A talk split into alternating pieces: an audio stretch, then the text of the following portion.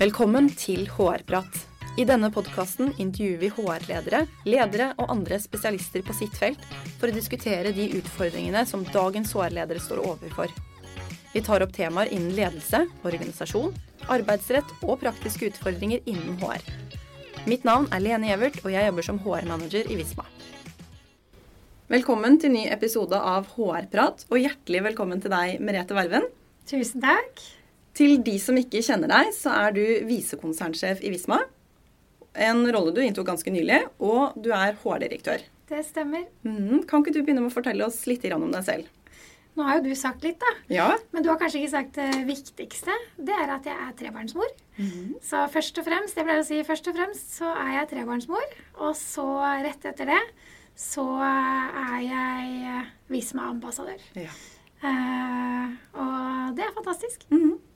Kan du si litt kort om bakgrunnen din? Ja, jeg er eh, en eh, gammel Civøk-modell med finans i fordypning. Så jeg gikk på Handelshøyskolen og tok en Civøk der. Så dro jeg til eh, St. Gallen og tok en master i internasjonal ledelse.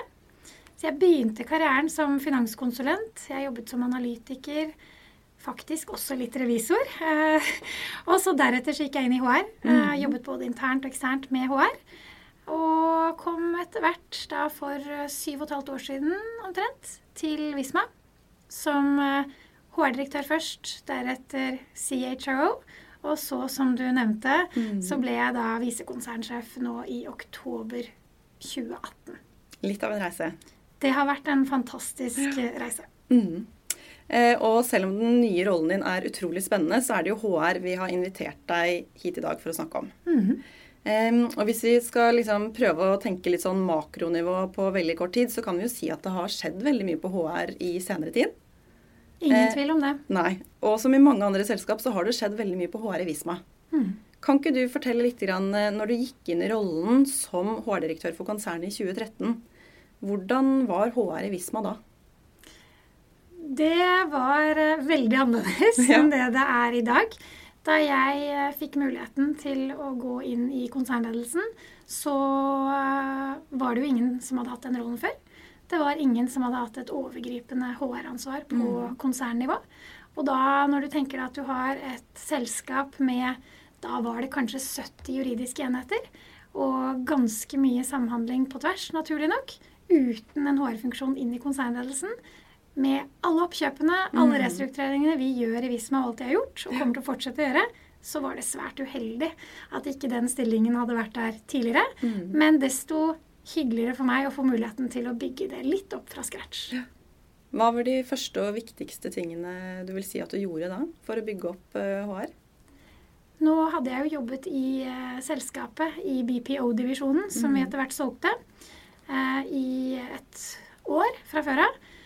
Så jeg kjente jo den enheten veldig godt, og det bygget opp en del prosesser i den enheten.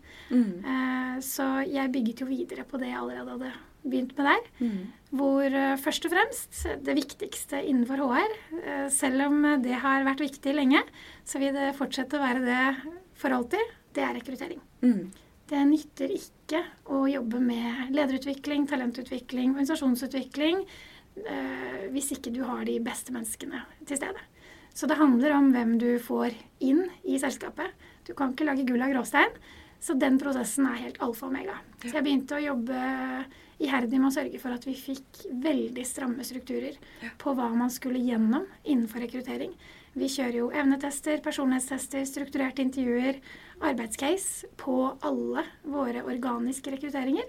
Så skal det nevnes at vi som er spesielle, fordi mesteparten av våre rekrutteringer er faktisk via oppkjøp. Eh, Men det betyr eh, at det er desto viktigere med de organiske rekrutteringene vi gjør, at vi må være beinharde med dem.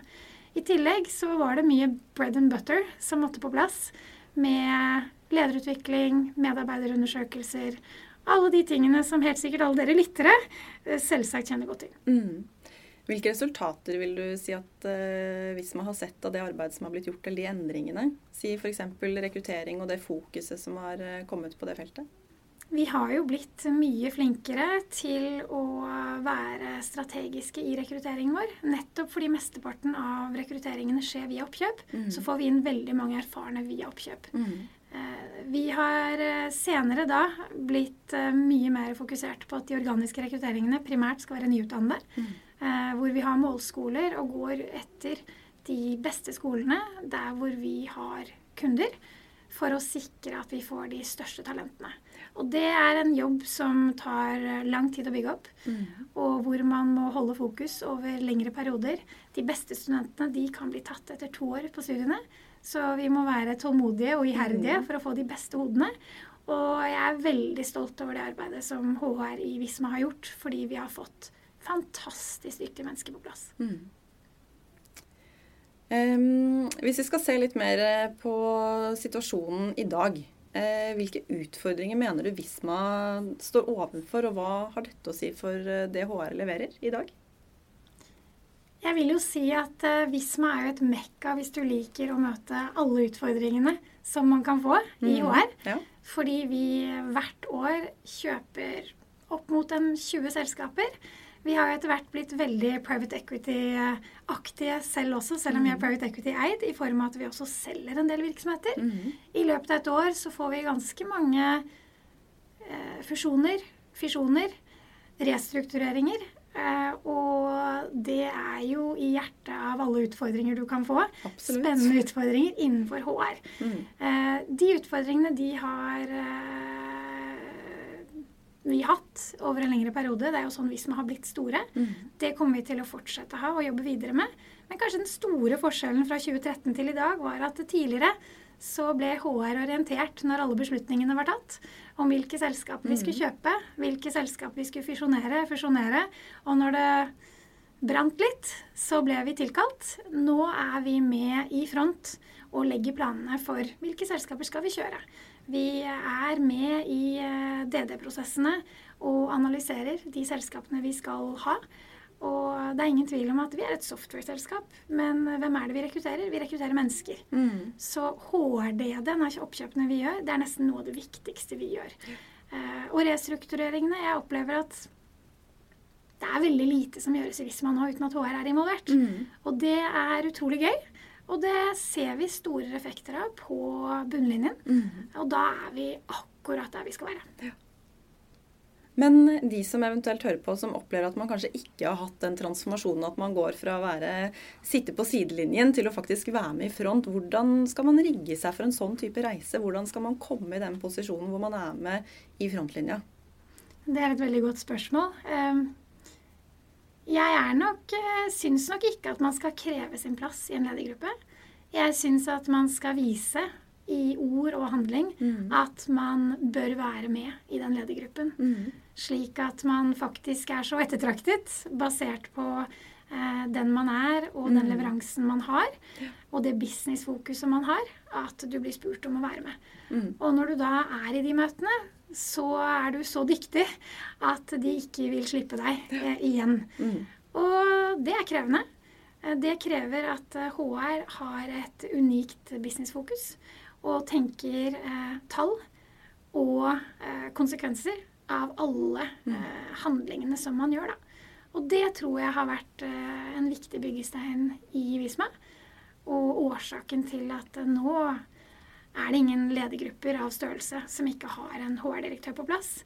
Det handler i størst grad om at vi har fantastisk dyktige HR-mennesker hos oss. Mm. Veldig mange gode tips og refleksjoner der. Men selv om ting nå høres veldig flott ut, og at Visma har kommet langt, eh, så er det jo slik at i en hektisk hverdag full av prioriteringer, så er det ofte sånn for de fleste at noen ting blir prioritert ned. Eh, og det er jo ting man kanskje kan gå og kjenne på at man irriterer seg over at man aldri får gjort noe med. Eh, hva vil du si at HR i Visma har som vi stadig prioriterer ned, eller som vi aldri får fikset eller gjort noe med? Det er ingen tvil om at uh, ikke alt er perfekt her.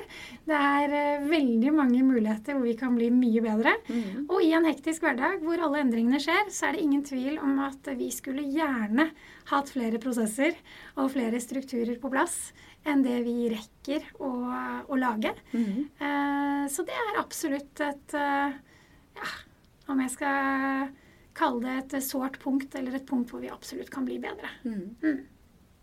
Hvis vi nå skal tenke litt fremover, eh, hvordan vil du si at Visma ser ut om si f.eks.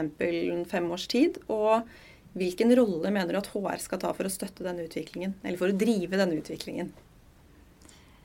Det er et veldig godt spørsmål. Eh, om fem eh, år Hvis jeg tenker inngangen av 2010, da, så var eh, Visma et helt annet selskap enn det det er i dag. Vi drev med veldig mye forskjellig i tillegg til software. Mm. Vi hadde mesteparten av softwaren vår on-prem. Faktisk bare 1% av omsetning var, eh, var cloud. Mm. Når vi går ut av 2020, så Det er om to år, da. Så kan jeg tenke meg at vi har mer enn 80 av tjenestene våre i cloud. Mm. Vi har blitt et rendyrket europeisk selskap, eh, ikke bare et nordisk et. Og vi er et pure software-selskap. Vi har jo den siste tiden solgt en del selskaper. Mm. Og det er ingen tvil om at uh, flere selskaper gjør den reisen. Men det er ikke så mange selskaper på vår størrelse som klarer denne transisjonen som vi allerede har klart. Ja. Det som er utfordringen i vår bransje, er jo at det skjer så mye. Mm. Og det kommer opp så utrolig mange spennende små selskaper som vi er nødt til å være på hugget for å se om vi klarer å kjøpe. Mm. Og sikre at vi kjøper de riktige selskapene. Og jeg tror i et femårsperspektiv at uh, vi har blitt uh, veldig mye større enn det vi er i dag. Og at uh, vi er enda mer profesjonelle enn det vi er i dag. Og for å være det, så trenger vi en fantastisk sterk HR-organisasjon mm. som er akkurat like på som det de er i dag, på å bidra med å sikre at vi er strategiske, kjøper de riktige selskapene, beholder mm. de viktigste talentene. Alle selskapene blir jo nå etter hvert mer cloud-selskaper og ønsker teknologikompetanse. Det kommer til å bli mm. mye vanskeligere å rekruttere de beste hodene. Og da må vi vise at vi er det beste stedet å være ansatt. Mm. Og så må vi ha egenskapen til å klare å ikke bare tiltrekke, men også ansette dem. Ja. Og, og, det blir en stor utfordring for mm. HR hos oss i fremtiden. Absolutt.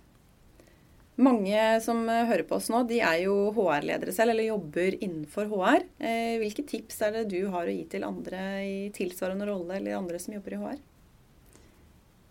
Først og fremst så tenker jeg at alle vi som jobber med HR, og selv om jeg nå er visekonsernsjef, så er veldig veldig mye av min jobb det er HR-relatert. Og det er magisk, fordi at eh, det å jobbe med utvikling av mennesker, det er kjempegøy. Og med den teknologiske utviklingen så blir utviklingen av mennesker det blir bare enda viktigere. Mm. Og det beste rådet jeg kan gi, er nok eh, Hvis du skal være ordentlig dyktig innenfor HR, så må du selvsagt ha HR-kompetanse. Du må kunne prosessene. Du må vite hva det går i. Du må være flink til å bruke tid på å lese deg opp. Mm. Fordi det feltet utvikler seg noe helt enormt. Men i tillegg til det så må du ha en genuin interesse for det selskapet som du jobber i. Mm. For bunnlinjen og omsetningen som det selskapet har. Og hva slags effekt dine leveranser har på eh, selskapets eh, eh resultater. Så det å være businessfokusert mm. i tillegg til å kombinere med HR-kompetansen, Eh, da kommer du veldig, veldig langt. Mm. Og for egen del, jeg har jo businessbakgrunn, så det har hjulpet meg, og jeg har jobbet i businessen. Men det jeg mangler i dagens rolle Jeg skulle ønske at jeg hadde vært programmerer. Ja. Uh, tidligere. Ikke fordi jeg trenger det i dag, men fordi at det er viktig å lære å krabbe før du kan gå. Mm. Så, så, mitt mål er jo da å lære meg å progge ja. uh, på fritiden uh, for å dekke det hullet jeg selv Heldigvis opplever ikke lederne rundt meg, da, men Nei. jeg opplever selv at jeg har det hullet. Så det å være så genuint nysgjerrig på den bransjen du jobber i, at du faktisk ikke bare leser tallene, men lærer hovedkjerneområdet. Og har du ikke jobbet i linje, jobb litt i linje. Mm. Det er kanskje de beste tipsene jeg kan gi. Tusen takk for gode tips, og takk for at du kom til oss i dag. Eh, så må jeg si tusen takk til deg som hørte på. Vi prates. Ha det bra. Ha det bra. Hvis du har temaer eller spørsmål du ønsker vi skal diskutere, send oss gjerne en mail på hrprat.visma.com. Og for flere episoder, sjekk ut visma.no slash podkast slash hrprat.